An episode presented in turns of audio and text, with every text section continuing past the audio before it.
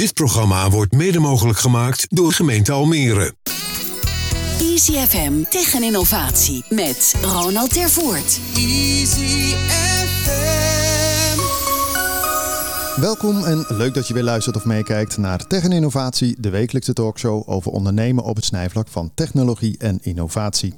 Ik ben Ronald de Voert en elke week heb ik twee gasten uit de regio. Denk aan start-ups, scale-ups tot de grotere bedrijven en instellingen. Wat drijft hen? Welke lessen hebben zij als ondernemer geleerd? Hoe proberen ze te innoveren? De impact van technologie erbij. En natuurlijk worden de nodige praktische tips gedeeld. Vandaag te gast in de ICFM-studio in het WTC Media Center Almere. Samira Salman, oprichter van het Event Atelier. Over onbenutte kansen bij zakelijke events, de impact van crowdfunding en innoveren in een traditionele markt. En Eduard Beekhuizen, oprichter van Babylon Daken, over de laatste trends in duurzame daken, circulair ondernemen en productontwikkeling in eigen huis. Welkom in de studio allebei. Dankjewel. Leuk dat jullie er zijn. Doe je ook uh, daken hier uh, bij het WTC? Is die ook volgelegd? Of, uh... uh, nee, dat, dat, uh, daar heb ik me nog niet mee bemoeid. Oh ja, het is maar kan op, zeker. Op grote hoogte. Hè? Dan vang je misschien wel meer regen nog dan wat beneden ligt. Maar goed, daar komen we straks allemaal even op. We beginnen het programma altijd even met uh, wat jullie is opgevallen bijgebleven op het gebied van tech en innovatie. Samira. Nou, ik heb heel bewust de laatste tijd wat minder nieuws gevolgd. Je ontkomt er natuurlijk niet aan. Dus ik heb geen, normaal zit ik er bovenop, maar ik dacht nu even niet. Maar ik heb een heel interessant plaatje gevonden. Wat niet nieuw is, maar wat voor mij echt een eye-opener was het is een soort cartoon, dus het is een beetje lastig om dat dan uit te leggen. Maar het ging over lineair denken versus divergent denken of associatief denken. Of er zijn allerlei woorden voor.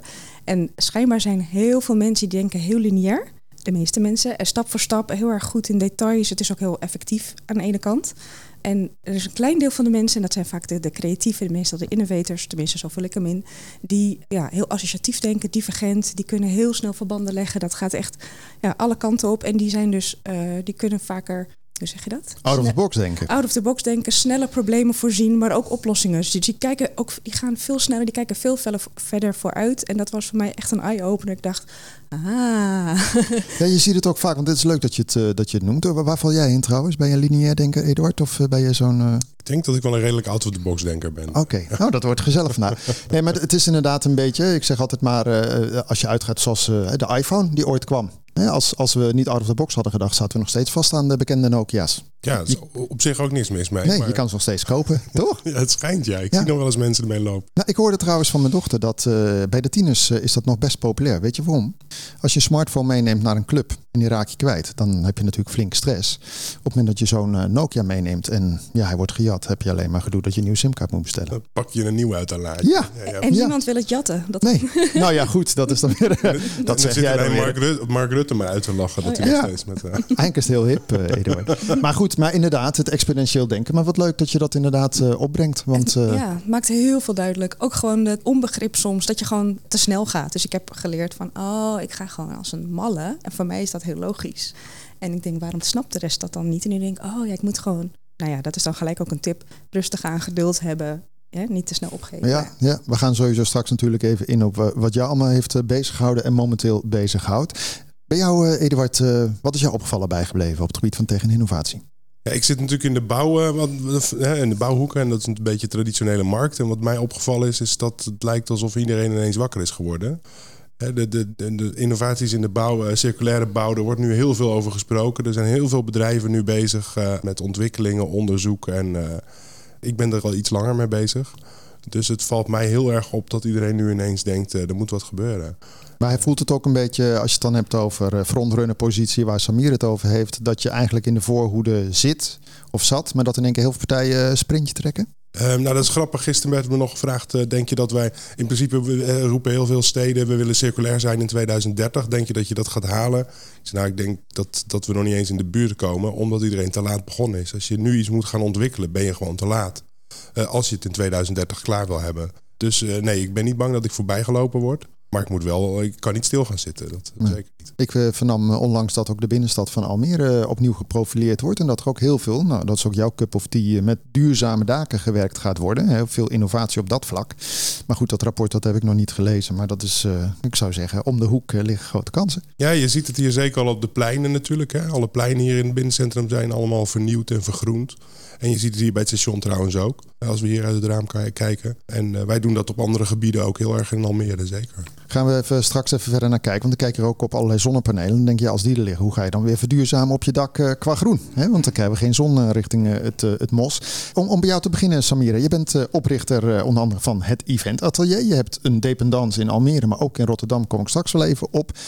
Wat maakt dit? Want dit is een soort van eventlocatie. Je kan het afhuren, je kan er van alles doen. Mm Kan je even ons meenemen wat het behelst? Ja, ik was heel lang aan het zoeken naar het woord. Ik noem het tegenwoordig vergaderlocatie, want dat begrijpen de meeste mensen. Ik heb het ook als coworkspace genoemd. Ja, je moet het in een hokje passen dat mensen ook snappen wat het is. Ja. Dat is ook een beetje out of the box als je te ver gaat. Ja, precies. Dus dat is ook. Ik ben eigenlijk voor oorsprong marketeer, dus ik, ik weet wel van je moet gewoon hè, de, de juiste woorden gebruiken. Dus het is eigenlijk noem ik het vergaderlocatie. Ik vind het meer dan dat. En wat, wat vroeg je nou? Wat ja, wat, wat, het, wat het behelst eigenlijk, want het eventatelier, dan denk je, oh, we gaan eh, knutselen of whatever. Ja, wat ik zelf miste in Almere, want het is altijd het leuke in Almere, we kunnen heel veel over klagen, maar er is nog heel veel niet of heel veel ruimte om het op een andere manier te doen. Ik miste een creatieve locatie waarvan ik echt dacht van, oh, hier voel ik me lekker. Niet in een groot gebouw, maar gewoon heel laagdrempelig, kleinschalig, creativiteit bevorderend. Ja, en ik zie vergaderingen of eigenlijk bijeenkomsten ook als mini-evenementjes. Ik kom natuurlijk ook uit de evenementenhoek. Dus niet aan de hele dag aan dezelfde tafel zitten met de grijze vloer. Hè, maar gewoon mensen prikkelen om juist die creativiteit en ook innovatie eigenlijk, een beetje vergezocht. Je hebt ook het plaatje van het exponentieel denken groot aan de muur gehangen waarschijnlijk. Dat zou ik eigenlijk wel moeten doen. Oh, ja, ik, ja, dus ik probeer eigenlijk subtiel mensen te prikkelen om het een beetje anders te doen. Vroeger deed ik dat vanuit de inhoud, komen misschien straks ook op, maar nu probeer ik het meer qua faciliteiten zeg maar, uh, te voorzien. En waarin verschilt het dan? Uh, stel je voor dat Eduard en ik een, uh, locatie ergens afhuren en zeg ja, we proberen te prikkelen, maar mm -hmm. wat, wat, is het dan? Nou, de, de muren zijn geel. Dus oh. dat is al echt een uh, zo grappig, want ik had dus allerlei dingen bedacht die ik anders wilde doen. Ik vergeet trouwens nog één ding, het moest ook centraal liggen. Want heel, in Almere is heel veel, of wel centraal, of maar dan groots, hè, of op een industrieterrein. En ik vind de route er naartoe ook belangrijk. En het moet ook toegankelijk zijn voor mensen die geen auto hebben. Ja, de muren zijn geel, bijna allemaal. En dat is heel grappig, dat doet wel echt wat met mensen. En ik, bij sommigen zie je het ook echt, die komen echt binnen en die gaan echt helemaal, wow, je ziet gewoon helemaal dat zo, wauw. En ik krijg het ook terug van, ja, ik merk echt dat, ik, dat, het, ja, dat, het, dat doet. En heb je dan ook uh, qua stoelen, moet je in één keer gaan fietsen terwijl je zit te vergaderen? Of nou, uh, is dat ik, gewoon nog? Het is goed dat ik niet heel veel budget had, want ik zou helemaal los willen gaan. Maar ik, ik, ik heb ja, gewoon wel grapjes hier en daar hangen. En ik wil het wel elke keer een beetje aanpassen en verbeteren. Maar het is ook zoeken natuurlijk van wat werkt. Je moet natuurlijk niet, het moet nog wel functioneel blijven. Ja. Dus dat is gewoon iets wat continu. Uh, heb je dat onderzocht eigenlijk? Hè? Want ik zit te denken, je zegt nu over geel, maar hè, er zijn gewoon kleuren die gewoon bewezen is, waarvan uh, je gewoon denkt, nou, ik heb nu even geen zin in iets. En hè, geel is dan een hele goede klaarblijkelijk. Heb ja, je dat ja. echt bekeken? Ja, dat heb ik zeker opgezocht. Ja, ik heb ook, uh, het is ook wel grappig, want ik heb uh, voor een ander bedrijf ooit een brand artist ingezet, die huisstijlen even plat gezegd, zoals meesten het zouden uitleggen. En die heeft heel goed naar mij doorgevraagd van wat is wat je wil, wat wil je uitzalen. Daar kwam zwart en geel uit. Geel was eigenlijk nooit mijn kleur. Zwart? Uh, zwart ook, ja, als tegenhanger. Ik weet nu niet meer precies waarom. Weet niet, dat doet me denken aan die attractie in Walibi. Die is ook zwart en geel, de Lost Gravity. Maar goed. Ja, uh, het is ook een beetje de zakelijkheid. En, Misschien is dat ook de bedoeling, Lost ja. Gravity. Ja, een soort wesp. Wesp is ook zwart-geel. Maar goed, dan gaan we een kleurenprogramma krijgen. Ja, nee, dus, uh, en het grappige is dat de essentie van mijn vorige bedrijf, dat wilde, dat, toen ging ik naar een, de, nog een ander bedrijf, dacht ik, ah, dan gaan we dezelfde kleuren gebruiken. En voor dat andere bedrijf zocht ik een eigen locatie om ook video's op te nemen, mini-events online te organiseren. Toen dacht ik, oh, dan moet ik gewoon diezelfde kleuren doen, want dan is het handig voor mijn huisstijl. Maar toevallig werkt dat dus ook qua concept voor de vergaderlocatie. Nou, ik weet niet of je het nog kan volgen, maar... Maar jij bent, ben, jij bent in ieder geval hiermee begonnen... omdat je vond dat er een goede, creatieve, out-of-the-box uh, ja, en ik vibe... zelf ook een locatie dus nodig had. Ja, ik wou net zeggen, want het begint vaak bij uh, frustratie of uh, bij jezelf. Maar, maar het was wel mid-corona volgens mij, toch? Dat Klopt, je dit... ik ben in een lockdown opengegaan. Maar hoe is dat dan? Want dan, uh, ja, niemand mocht vergaderen. Hey, we mochten niet eens in de studio zitten met z'n allen bij. Nou, we hadden een uitzondering gelukkig, maar dat, dat was al een feestje. Mhm. Hoe, hoe, deed je dat dan? Want dat is, dat is wel uh, uitdagend. Ja, ja, ik, ja. Uh, ik... Je was heel lang bezig met schilderen waarschijnlijk. Nee, ik heb lekker schildering gehuurd. Nee, het is wel grappig. Ik ben in 2013 voor het eerst voor mezelf begonnen, was ook een crisis. En ik denk dan altijd, ja, als je gewoon rock bottom begint, dan kan het daarna alleen maar omhoog gaan. Dan een risico natuurlijk. Nee, dat was spannend, maar ik heb crowdfunding gedaan. Dus op een gegeven moment kreeg ik ook dat geld en toen moest ik wel beginnen, zeg maar. Want je kan dan niet meer zeggen, oh nee, ik doe het toch niet.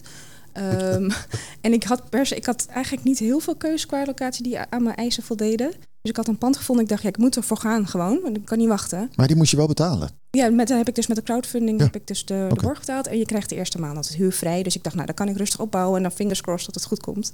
En dat is goed gegaan. In het begin krijg je toch niet gelijk heel veel boekingen. Dus, uh...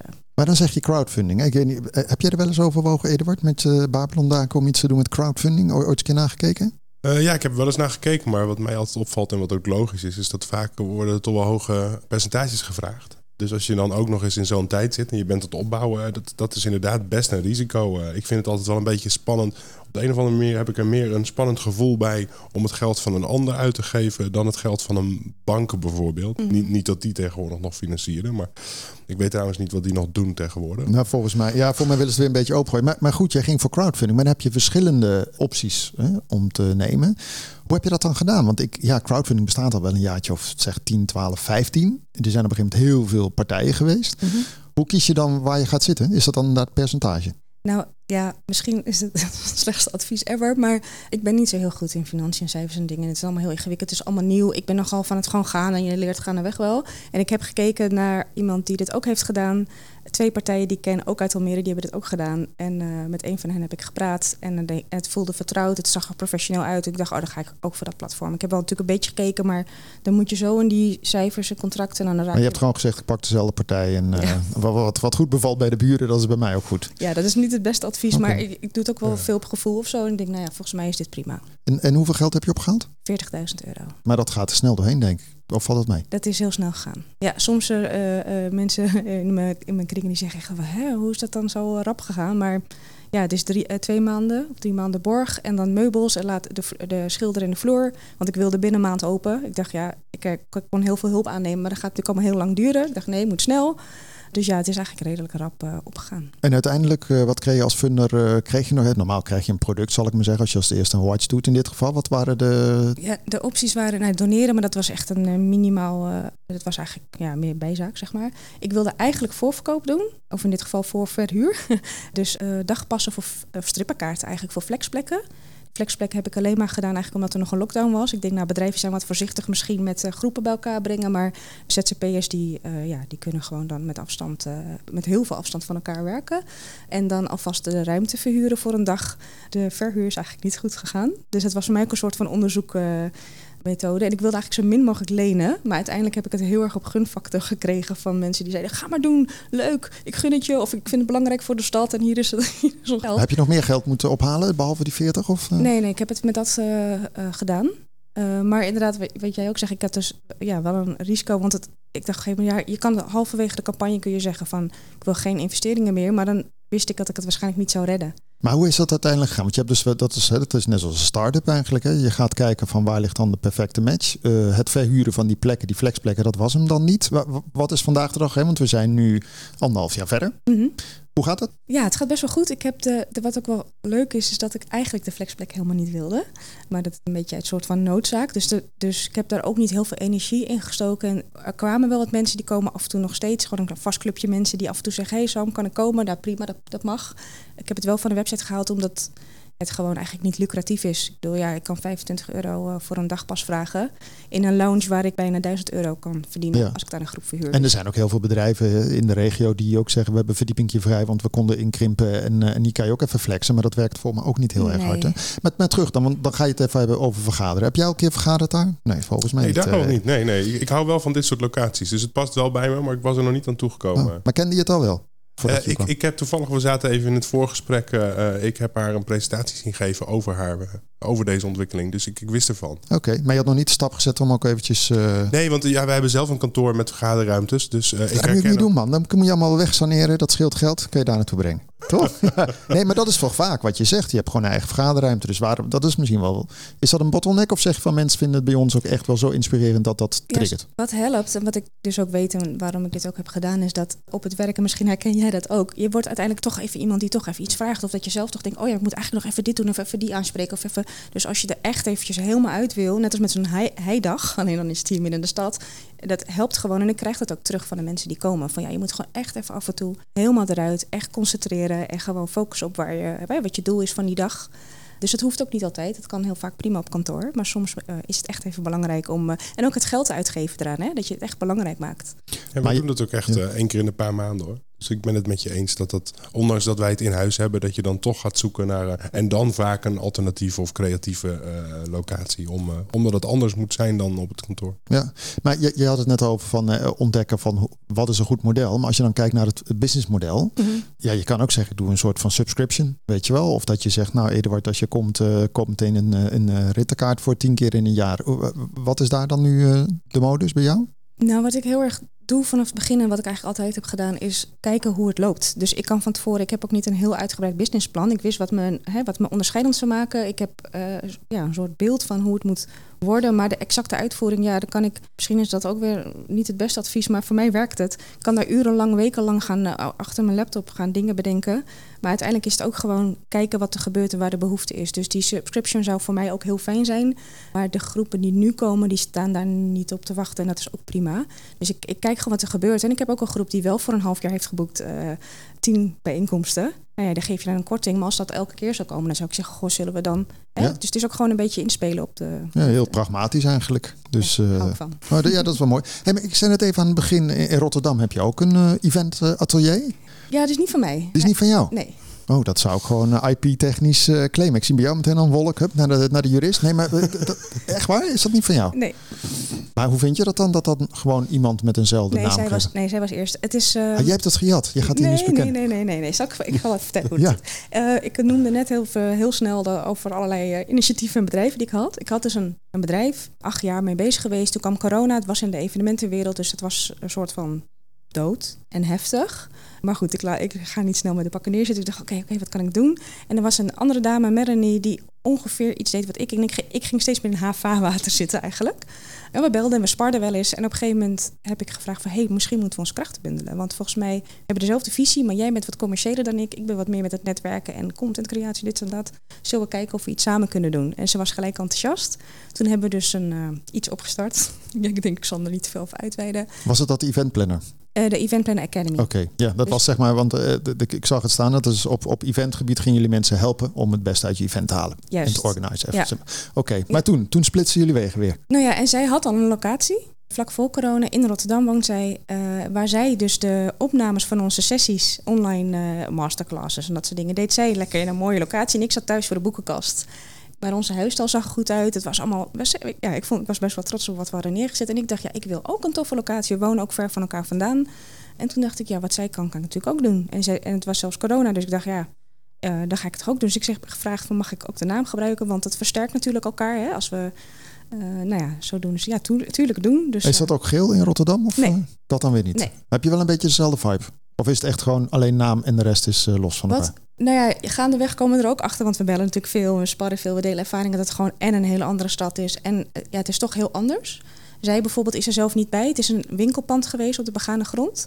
Maar wat het overeenkomst is, is dat het gewoon kleinschalig is, toegankelijk. Mensen voelen zich thuis. Het is een beetje, dus bij mij ook, ook als het bij mij groot is, alsof mensen bij je thuis komen. Het is heel, het is niet alsof je een gigantisch grote uh, franchise-achtig iets komt. Het is heel persoonlijk en mensen voelen zich thuis. Ja, want dat is dan ook meteen, hè, want ik zat inderdaad te denken, je hebt WeWork of Spaces, hè, dat soort grote partijen. Maar dat is inderdaad weer, ja, jij knikt, uh, Eduard. Kom je daar wel eens in dat soort uh, grote...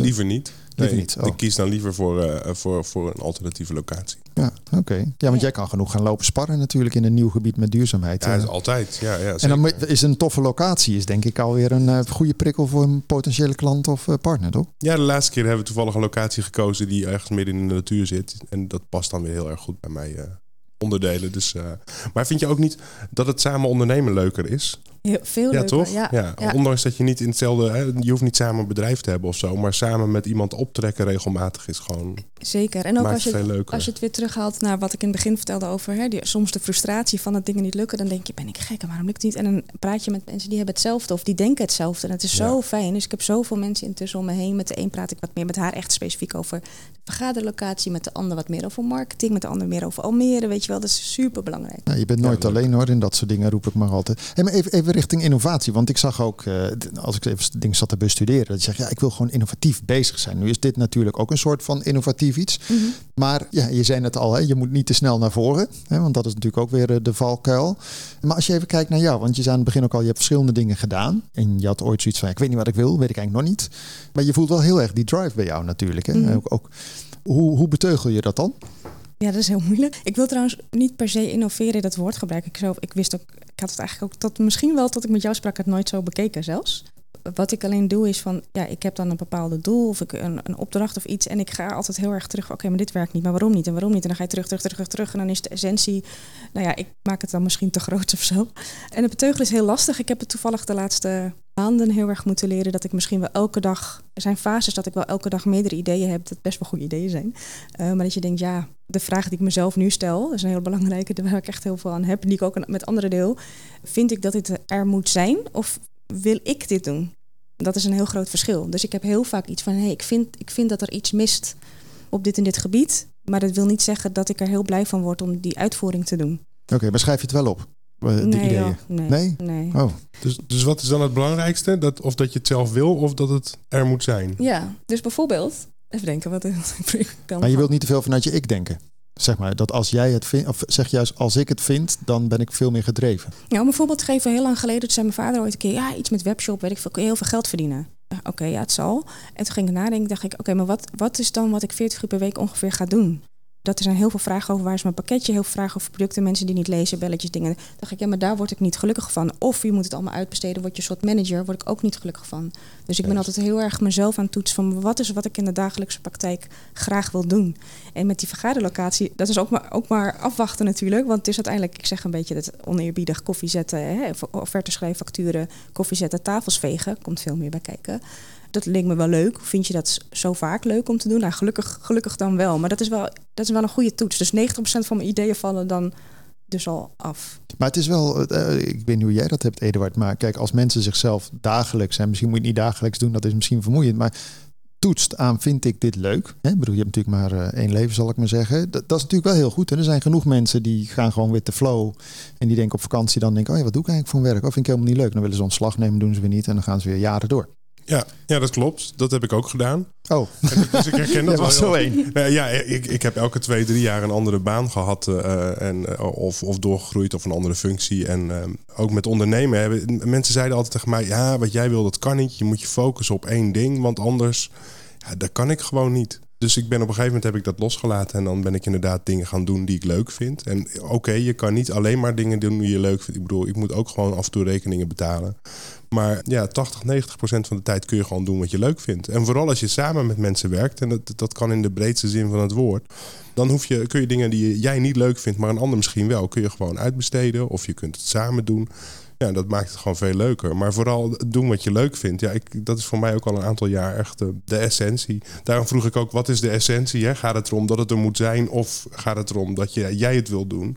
Ja, ik heb precies hetzelfde. Ja. Je, je moet alleen maar doen. Vooral, vooral doen wat je leuk Ja, want je hebt ook een, eh, een, je hebt zelfs een administratiekantoor uh, run je. Maar ondertussen ook Babylon komen we zo even op. Jij wil wat vragen? Ja, ik wil nog uh, zeggen, want dat had ik, ik had natuurlijk een beetje voorbereid van wat zijn de dingen die ik wil zeggen. Wat ik heb geleerd de laatste tijd is dat het, je hoort heel vaak mensen uh, zeggen, ja, je moet je passie vinden en je moet met enthousiasme, je moet doen wat je denkt dat goed is. En, en als je maar lang genoeg doorgaat, dan lukt dat wel. Nou, ik heb dus nu ervaren in die afgelopen tien jaar dat dat niet voldoende is. Niet altijd. Dus het is volgens mij zoeken naar wat, is er, wat wil jij doen, maar ook wat is er nodig. Want alleen maar met je passie kom je er natuurlijk niet. Dus dat klinkt allemaal heel logisch, maar het heeft dus best wel lang geduurd voordat ik daarachter kwam. Dus die locatie voor mij, ik dacht dat, het, dat er nog iets miste. En ik vond het heel leuk om te doen en daarom loopt dit. Ik zeg ook altijd van het is uh, of je lost een probleem of, of je voorziet in een behoefte. Want anders dan, ja, dan kun je het allemaal leuk gaan doen, misschien niet op. Hey, even gelet op de tijd, uh, want die vliegt weer doorheen. Want uiteindelijk zie je nu natuurlijk dat heel veel bedrijven gaan eventjes. Doen ze vaak trouwens intern, uh, als, als, het, als je het aan mij vraagt. Mm -hmm. Maar je, je hebt je in ieder geval jarenlang druk gemaakt over het feit dat mensen events organiseren. En dat dat toch eigenlijk een beetje beneden maats was, denk ik, volgens jouw waarderingsschaal. Mm -hmm. Heb je een aantal tips waar, waar het vaak fout gaat? Of wat, wat men beter kan doen? Ja, nou eigenlijk is wel grappig. Met uh, Melanie samen toen met die Academy bezig waren, toen kwamen we uh, met de sweet spot, wat ik eigenlijk uh, net eigenlijk ook een beetje noemde. Dus het is de. Ik kende het vanuit, ik ben natuurlijk marketeer, vanuit content marketing. Van oké, wat wil jij heel graag vertellen? Dat is allemaal prima. We willen graag heel veel. Hè, zal ik naar jou kijken over het dak en innovatie en duurzaam. Maar de, de doelgroep wil niet ja, klinkt een beetje, ik kan het niet niet alles daarvan horen. Die is op zoek naar bepaalde stukjes informatie. Dus het is heel erg zoeken naar hoe vind je die, die sweet spot.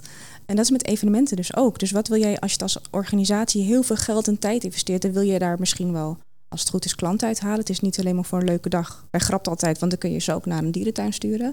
Dus wat wil jij ermee bereiken? Maar wat wil die doelgroep dan? En dat zoeken, dat is eigenlijk niet zo moeilijk, maar we moeten wel tijd aan besteden. Ja, je moet, uh, ondanks dat je zelf iemand bent die pragmatisch is, je moet wel helder hebben. Je hebt niet drie stippen op de horizon. Ja, of wel drie, maar zorg dat je het goed invult. En ik, wat ik zie gebeuren in de eventwereld, en daarom ben ik er ook een beetje uitgestapt, want ook corona hoopte ik dat dat misschien een beetje een soort van mindset zou veranderen. Het gaat gewoon als een malle door, een heel erg korte termijn denkend. In plaats van even een stap terug en een heidag doen. Ja. Hey, even in, in, in, in 30 seconden. Als je kijkt even naar je marketing. Moet je veel marketing doen? Moet het goed doen. Ja, maar doe je, maar doe je veel marketing? Doe je Facebook, eh, dat soort dingen? Of je zegt even kort. Nee, maar doe je dat veel of zeg van nee, het gaat juist van, eh, hè, van, van, van het mond minder. eh, ik tot moest ook mond? echt even schakelen van hoe doe je van expert. Hè? Ik was altijd kennis delen, want dan trek je mensen aan. Maar ja, wat we, dus ik moest daar echt even over nadenken. En ik doe veel minder marketing zoals ik dat gewend was. Hoe doe ik het dan wel, vraag je Ja. niet. Nee, maar bedoel, doe je veel met online of zeg je van nou, het is gewoon juist op netwerkborrels eh, of, of eh, Nou ja, sinds kort ben ik dus achter wat, wat ik denk dat werkt. Inderdaad, deels netwerken. eh, de groepen die komen, dat zijn grote partijen. En elke keer als zij komen, dan zien we nieuwe collega's en het. En dan komt er weer een andere afdeling. De gemeente komt veel. Dus dat is, een, eh, eh, dus dat is heel fijn. En ik ben sinds kort met eh, LinkedIn Sales Navigator begonnen. Voorheen wilde ik daar allemaal niks van weten. Maar dan kun je dus veel beter zoeken dan gewoon op LinkedIn. En dan kan ik dus gewoon zeggen tegen de, hè, bij mensen bij de gemeente die dezelfde functie hebben als de voorgaande boekers. hey, eh, wist je dat dit bestaat? Eh, ze- eh, collega's komen al heel vaak ter info. Hè, hier is een linkje, kom gerust een keertje kijken. Hoef je het ook niet heel erg te verkopen. Het is meer een soort kattenbelletje. En dat ben ik nu net aan het uittesten. Maar voor mij voelt dat als het meest logisch in plaats van maar heel veel op Instagram posten. Want secretaresses boeken meestal, ja, die zitten niet te wachten op mijn visie op Instagram, heel eerlijk. Nee, en ze, scrollen wellicht over Facebook, maar dat is terwijl ze in vrije tijd zijn. Maar, eh, maar goed, dat, eh, er zijn een hoop partijen die heel veel geld halen uit dat Sales eh, Navigator Mhm, gebeuren. mhm. Doe jij Sales Navigator voor Babylon Daken? Voor Babylon Daken eigenlijk niet. Nee? Hey, want, want, jij, want eventjes, hè, want dat vond ik zo grappig. Ik zag online, je, je bent mede-eigenaar van een administratiekantoor. Ondertussen heb je Babylon Daken ook opgericht. Een soort dakhovenier. Als je het Ja. hebt over passie of over hè, wat willen we doen in het leven. Maar hoe, hoe, hoe kom je nou van het een naar het ander? Nou ja, waar we al een beetje begonnen natuurlijk. Ik, ik heb mijn hele leven in de bouw gezeten en dan sales management. Maar eh, waar we al over begonnen is dat eh, een aantal jaren geleden was de ontwikkeling in circulaire bouw en, en biobased producten, überhaupt groen daken, dat was nog niet echt een ding. Je zag het wel bij particulieren, maar en bij, eh, bij grote bankgebouwen midden in Amsterdam die een beetje de sier wilden maken, zag je het wel. Maar echt uit doelpunt van, eh, van eh, een wereld verbeteren en eh, de stad vergroenen. Ja, dat is eigenlijk pas een paar de laatste twee, drie jaar een beetje wakker geworden. Dus vandaar dat ik niet mijn boterham ermee kon verdienen. En als je iets wil ontwikkelen en je wil dan, jij wil de tijd insteken, ik moet ook ergens mijn boterham in verdienen. Dus vandaar dat ik meerdere dingen tegelijk doe. Maar nu is het wel in proporties dat je gewoon wel daar de boterham al in kan verdienen? Of eh, is dat Ja, nog, eh, de, de ontwikkelingen gaan heel erg hard. Eh, ik denk, wij, wij verdubbelen elk jaar, de, la- de laatste drie jaar. Dus dat gaat heel erg hard. En ik denk dat dat dit jaar misschien wel meerdere keren is. Je ziet dat meerdere markten hebben de particulieren willen het steeds meer en die vinden het meer en die vragen er meer naar. Maar je ziet ook dat inderdaad investeerders, eh, eh, nieuwbouw zie je ook veel meer. Dus de, de vraag die, die stijgt zo enorm. Als we het hebben over duurzame daken, waar hebben we het dan over? Ja, ik zeg altijd een duurzaam dak is een dak wat meer doet dan alleen waterdichting. Een duurzaam dak moet sowieso lang meegaan. Dat is voor mij al de basis. Want als je iets niet lang meegaat, dan, eh, ja, dan is de hele duurzaamheidsgedachte al een beetje weg. Eh, en dan moet het iets meer doen. Dus eh, dat begint bij reflecteren. Wit, een wit dak bijvoorbeeld reflecteert zonlicht. Daardoor blijft het koeler. Zonnepanelen presteren beter. Nou, dat is, dat is één. Eh, maar tegenwoordig zie je steeds vaker dat ook het water opgeslagen moet worden. We hebben heel veel hoosbuien. Rioleringssystemen kunnen het niet meer aan. kun je op twee manieren doen. Je kan het in de grond opvangen of je kan het op het dak opvangen. En het dak is vaak het makkelijkst. En dan doe je er vaak een toevoeging aan. Want alleen water, ja, is leuk, maar daar heb je nog niet zoveel aan. Maar eh, een verdieping bouwen is heel duur. Dus ook een dak bouwen is net zo duur. Dus kun je er beter goed gebruik van maken. Maar de, eh, het duurzaam dak, ik, bedoel, ik, ik zat te denken aan, eh, dan ga je inderdaad allemaal sedum of eh, mos of Ja, dat soort dingen ja. erop zetten. Niet zonnepanelen en, en witschilderen eigenlijk. Maar goed, dat, ja, ja, nee, maar dat, dat is een, daar begon ik ook mee. Dat is een minimale stap. Hè. Het moet iets meer doen. Dus dat is één. En wat je tegenwoordig steeds meer ziet, is dat ze dus meer geld eraan uit willen geven. En dan krijg je dakterrassen, groendaken, gebruiksdaken. En maar dat kun je ook combineren. Want je ziet nu de ontwikkeling. Dan plaatsen, hè, misschien heb je het wel eens gehoord, een, een rood dak, een geel dak, een blauw dak. Ja, je Nee, dat zit met eh, grote ogen aan te kijken. Dat merk ik vaak, want ik zit natuurlijk in het vak. Dus dan, Maar wat is dat dan weer? nou ja, een, een geel dak is een dak wat energie oplevert. Hier, dus daar een heb je het. Had je gewoon, eh, ja. Ja, ja, wat energie oplevert, ja, dat is een hele goede inderdaad. Maar, maar, maar, serie- maar, maar bedoel je energie qua eh, verf die... Nee, zonnepanelen. dat, is een, en dat noemt men een geel dak in de branche. Oh. Een blauw dak is een dak waar je water op slaat. Eh, een rood dak is een gebruikersdak, dus een dakterras. En een groen dak is een dak met beplanting. En, maar daar heb je dus heel veel combinaties. Hè, want als je planten hebben water nodig. Dus als je water op je dak opslaat en je legt daar overheen een groen dak neer. dan heb je eigenlijk twee, eh, twee eh, succesverhalen bij elkaar. Maar als we hier bijvoorbeeld vanuit het WTC kijken naar de daken, hè, waar we hier op kijken vanaf 8 hoog, dan uh, nou, ontwaren we nauwelijks iets wat groen is of in jouw categorie die je net beschrijft. Wat is dan de grootste drempel voor mensen om, om dat toch niet te doen dan klaarblijkelijk? Of voor grote verhuurders of vastgoedmensen? Ja, eh, particulieren doen het vaak uit, eh, uit de passie, ja, uit biodiversiteit. Die willen hun omgeving verbeteren. Dus dat is uh, een iets makkelijkere groep.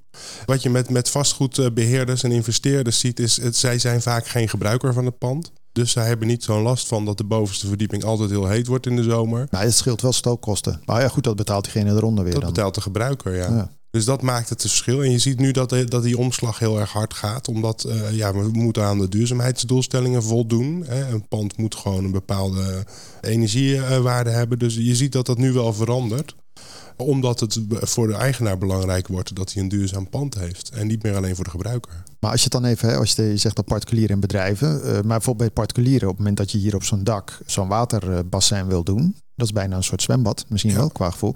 Dat moet het dak ook maar aankunnen. En die woningen zijn niet van eergisteren, dus die zitten niet uh, in de construct uh, dat ze dat misschien allemaal kunnen tillen. Dat is natuurlijk ook een issue.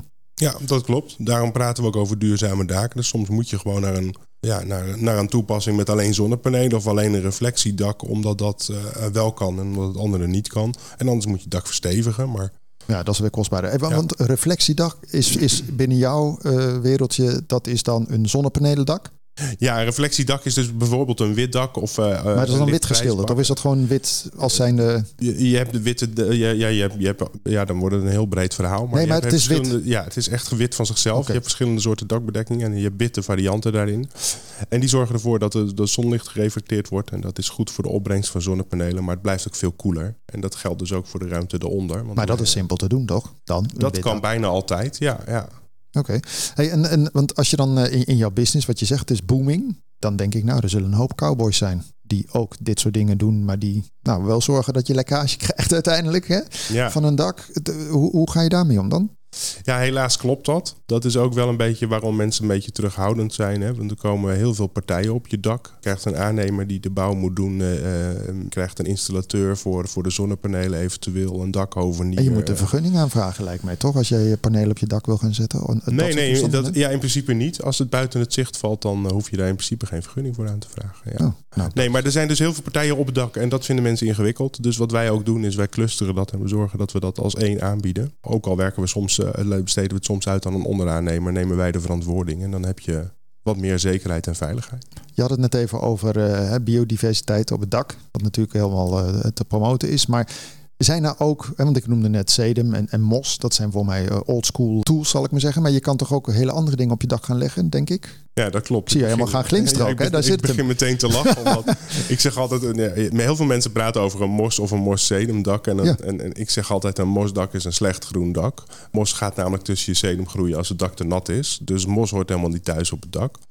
Maar sedum wel. En sedum is een simpel rotsplantje. Er zijn heel veel verschillende soorten van. Geeft wat bloeiing. En uh, ja, er wordt wel eens gediscussieerd of dat het wat doet aan de biodiversiteit.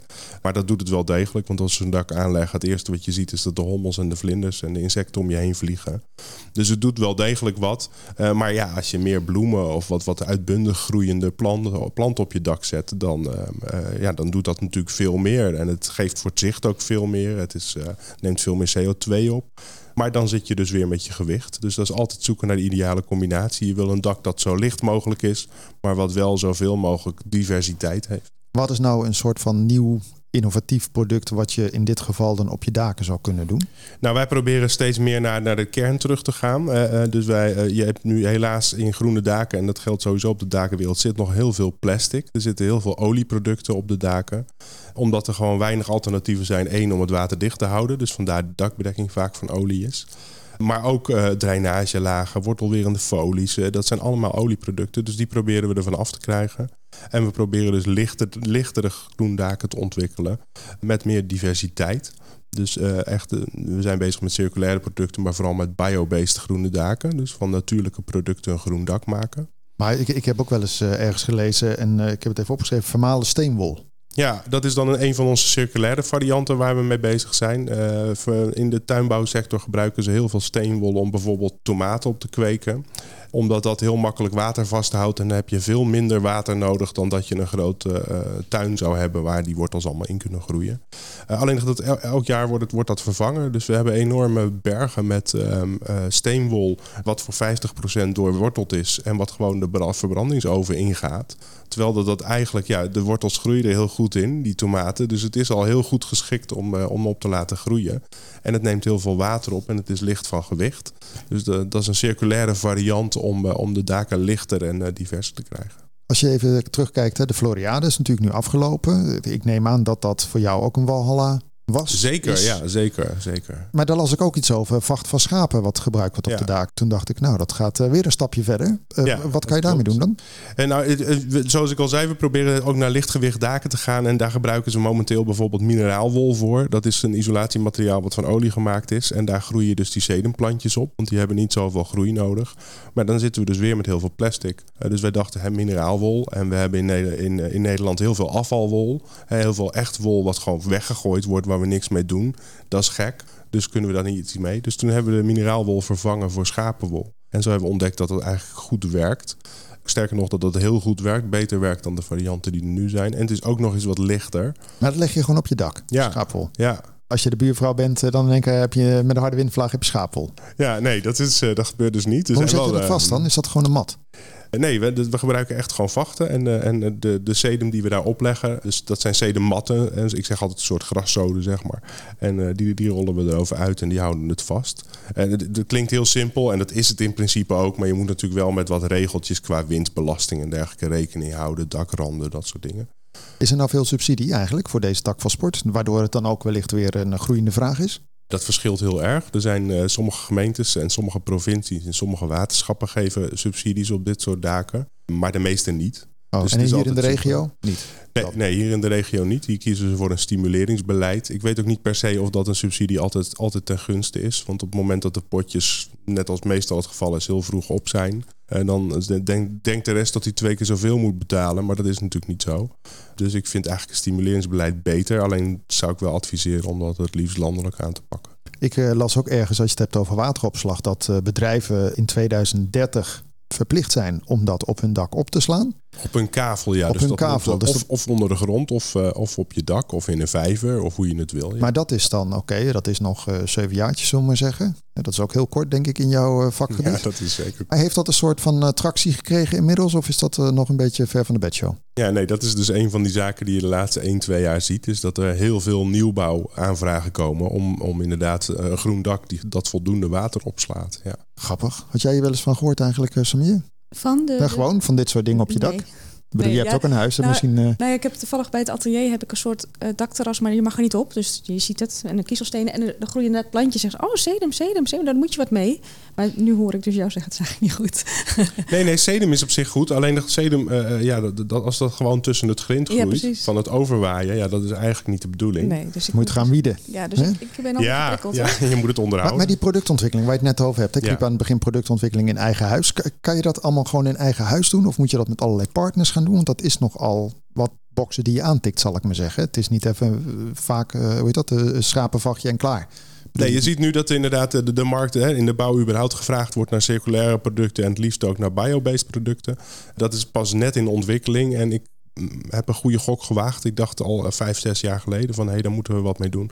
Dus ik ben met die biobased daken zelf gaan ontwikkelen. En dat begint heel simpel met een kistje in de tuin eh, eh, waar je een proefopstellingje in maakt en kijkt of dat het werkt. Nou, dat, dat deed het. En nou, vervolgens ben ik inderdaad met de Floriade bezig geweest. om, omdat ik daar de mogelijkheid had om wat proefdaken op te stellen.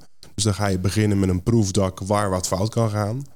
Nou, en vervolgens de volgende stap is weer eh, met meetapparatuur doormeten of dat het goed gaat. eh, in gesprek met hogescholen, kijken of dat die studenten hebben die bereid zijn om het te testen en te toetsen. We hebben ook een Eh, zo daakje bij de event atelier is net aangekondigd, kan je ook gebruiken. Ja, ik hoor het net. Ja. Ja, maar hoe duur is het eigenlijk? Zo'n, stel je voor, je hebt, je hebt zo'n, zo- zo'n dak van, de- van, van een parkeergarage of zo. Iets, iets, Ja. eh, zeg, wat is het, 6 bij 5? I don't know. Maar hoe, hoeveel kost zoiets eigenlijk om te vergroenen, verduurzamen? Ja, het, ligt natuurlijk heel breed. Er zijn heel veel mogelijkheden, maar een basisgroen dak begint al vanaf eh zeventientjes per vierkante meter. Oké, Eh, dus als eh, je, wat je heel veel ziet hier in Almere bijvoorbeeld, heel veel simpele schuurtjes, kleine schuurtjes, eh, die worden heel veel gedaan. Dat is heel erg populair. Ja, dan kan je vanaf een paar honderd euro is zo'n dak al groen. En hoe moet je dat vaak onderhouden dan? Nee, je moet wel, er moet geen boom op groeien. En als een vogel dus een eikel op je dak gooit, is het wel de bedoeling dat hij er een keer afgaat. Dus er is wel onderhoud aan. Alleen wat heel veel mensen vergeten is een normaal dak, een zwart dak waar niks op ligt. Daar, daar waait ook zand op en daar groeit ook gras op. Dat moet je ook schoonmaken. Dus ik zeg altijd, het is ander onderhoud. Maar met eh, eh, een uurtje één à twee keer per jaar zou je klaar, eh, kan je prima een dak onderhouden. ja. En je hebt dus eh, anti-wortelfolie om te voorkomen dat je straks een boom in je garage hebt. Ja, dat die doorgroeit tot beneden. Ja, ja, dat is, Maar goed, dat is wel fijn. Nee, maar dat is, zijn toch ook dingen als je daar lekkage krijgt bij de klos. Wat is voor jou de grootste uitdaging dit jaar dan? Als het zo lekker gaat en je verdubbelt in allerlei omzetten en personeel misschien? nog? Eh, Ja, ja zeker. De, eh, gecontroleerd groeien is, is het meest ingewikkelde. En voor alles wat je natuurlijk... eh, voor elke st- omzetstijging die je doet, moet je ook gaan inkopen. En het is altijd een hele la- lastige balans, omdat... eh, dat is voor mij de grootste uitdaging. Ja. Oké, nou komt een beetje overeen met, eh, met jouw modus om eh, balans te houden. Toch? Ja, nou ja, ik ben ook heel erg benieuwd hoe je. eh, ik hoor je over hele innovatieve dingen, maar je bent natuurlijk waarschijnlijk ook gewoon met de uitvoer bezig. Hoe vind je daar dan balans in? Dat is elke dag de vraag. En dat vind ik ook wel grappig dat je zegt van ja, de wereld verandert heel snel. Dus ook al eh, heb je de sweet spot gevonden wat jij vandaag fantastisch vindt, kan die morgen heel anders zijn. Dus je moet gewoon ook heel flexibel zijn, denk ik. En dat is ook een beetje een balans vinden. Dus eh, gelukkig zijn we nu zover dat grote partijen als Rijksvastgoed en dergelijke, dat die ook aanhaken en die zeggen van joh, wij willen die faciliteiten wel bieden. Eh, en de- toen we de Floriade gingen opzetten, ja, dan, dan kostte dat nog, die proefprojecten kosten nog heel veel geld. Inmiddels kan ik ze kostendekkend doen. En ja, dan daarnaast inderdaad gewoon eh, proberen het team te laten groeien en heel veel daken aan te leggen, zodat er weer meer geld binnenkomt. En hoeveel mensen doen jullie dan? Ontwikkelen. Hoeveel, eh, Ja, we hebben nu een handjevol mensen rondlopen bij ons, maar daarnaast nog, eh, nog wat flexibele schil om die groei ook aan te kunnen. Ik zeg altijd, wij hebben het geluk dat we een sexy product leveren in de dakenbranche. Hè. Of dat je nou gewoon een simpel standaard dak moet maken, of je mag een mooi dakterras maken. Dat vinden ze leuker. Dus wij kunnen iets makkelijker mensen vinden. Maar het is altijd de balans eh, om die flexibele groei, ja, om die, om die, om die schil eh, erbij te houden, om, om te kunnen groeien en dan weer een team op te zetten. ja, oké. Ja. En Richting het einde van het programma, waar we weer zijn aanbeland, vraag ik altijd aan de gasten waar ze zich op verheugen komende week. Nou, ik kijk even naar jou, Eduard. Dakje aanleggen, weet ik veel. Oeh, dat is een goede komende, komende week. ehm, Komende weken. Komende weken. Ja, wij, wij zijn net eh, weer met een nieuw proefproject bezig. eh, eh, in samenwerking met, eh, met TU Delft. En daar gaan wij eh, een nieuw product, eh biobased product, eh, gaan wij testen. En Wat wordt het? Wat ga je nu erop leggen? ja, eh, in Groene Daken, om het heel kort even te houden, in Groene Daken heb je ook eh, de trays, noemen wij dat. Dat zijn eigenlijk een beetje een doe-het-zelf product wat de klant zelf op het dak kan zetten. En daar eh, zijn we een biobased variant van ontwikkelen. Oké, trace. Dat zijn een soort, uh, tra- een soort, soort Kant-en-klare kratjes die je zo op je dak Ja, precies. Dat Ja. heb je ook in tuinen wel eens. En dan eh, Ja. doe je het plantje in. Ja. Oké, interessant.